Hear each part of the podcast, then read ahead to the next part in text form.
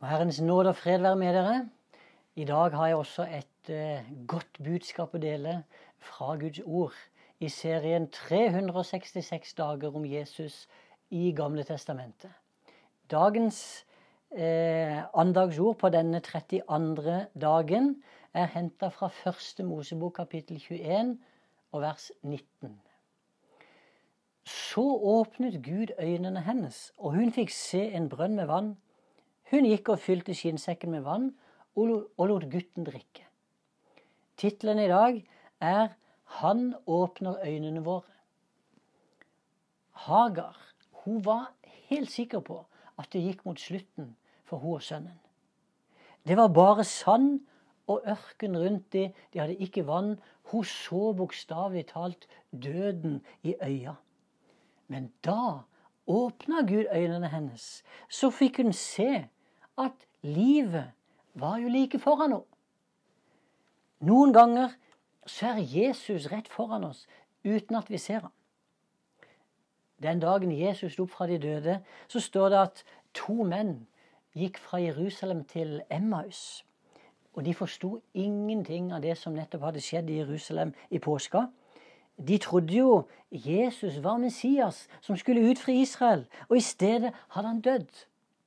Så triste og fulle av spørsmål så gikk de hjemover mot Emmaus. Mens de gikk på veien, så kom Jesus og slo følge med dem. Men øynene deres ble, ble hindret i å se, står det. Så de kjente han ikke igjen. Sånn fortsatte de hele veien, helt til de kom til huset de bodde i. Da Jesus tok brød og ba takkebønnen, ja, så skjedde det noe som endra hele situasjonen. Da ble øynene deres åpnet, så de kjente ham igjen. Men han ble usynlig for dem. Hvem har ikke mange ganger vært ute for det de to disiplene opplevde? De trodde at alt håp var ute, og at det bare var elendighet. Men så fikk de se Jesus. Han jo, men han hadde jo vært der hele tiden. Men da han åpna øynene deres, så kom gleden og håpet tilbake. Ja, disse to disiplene de ble så oppglødd at de skyndte seg tilbake til Jerusalem for å fortelle de andre sorgtunge disiplene hva de hadde opplevd. Og det er interessant at med det samme øynene deres ble åpna, ja, så forsvant Jesus. Eh, da de forsto hvem han var, så ble han usynlig for dem.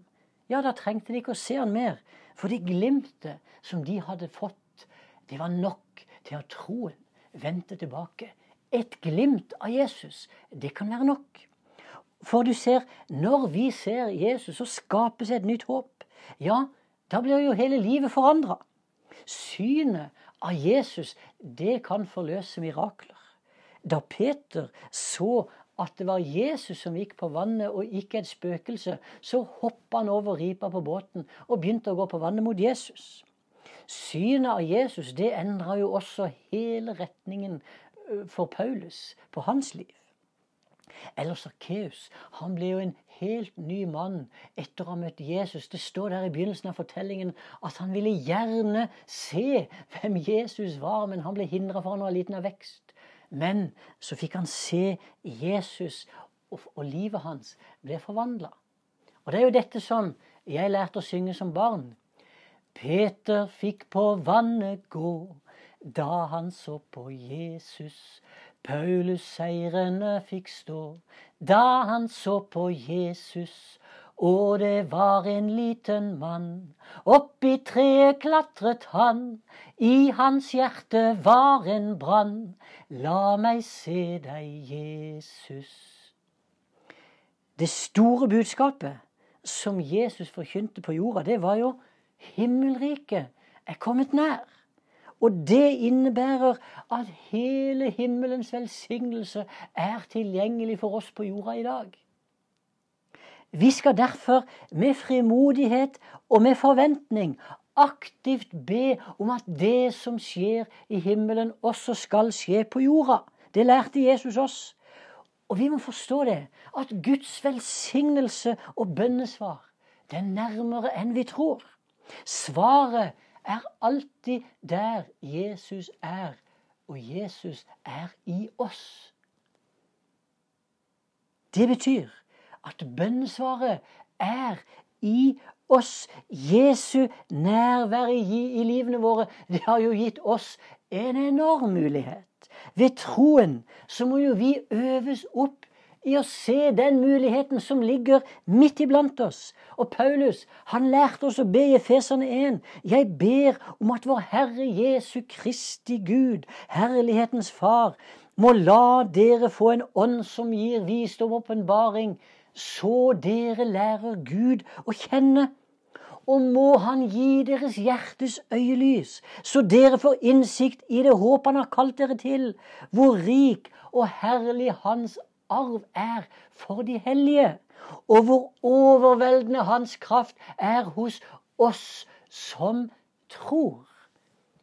Bønnsvaret ligger i Kristus i oss. Og derfor er det sånn at når vi er i Kristus, ja, så kan også vi bli et bønnesvar for andre mennesker. I Kristus har jo vi mottatt alle ressursene vi trenger for å hjelpe andre mennesker. Da Gud viste Hagar en brønn med vann, så var det jo hun som fikk i oppgave å fylle skinnsekken og la sønnen få drikke. Gud sendte ikke en engel for å gjøre denne oppgaven. Det var heller ikke Gud selv som ga sønnen vann. Gud forventer at vi er aktive. Og at vi gjør det vi kan for at Hans vilje skal skje. Gud har ikke tatt bolig i oss og gitt oss alt vi trenger for at vi skal være late og passive. Fylt av Den hellige ånd. I Kristus Jesus så er jo vi det bønnesvaret som en gråtende og nødstedt verden trenger. Jesus må du åpne øynene våre denne dagen, så vi ser hvor veldig din kraft er i oss som tror. Herre, åpne øynene våre så vi ser at bønnesvaret alltid er like foran oss. Ja, det er i oss så lenge du er i oss.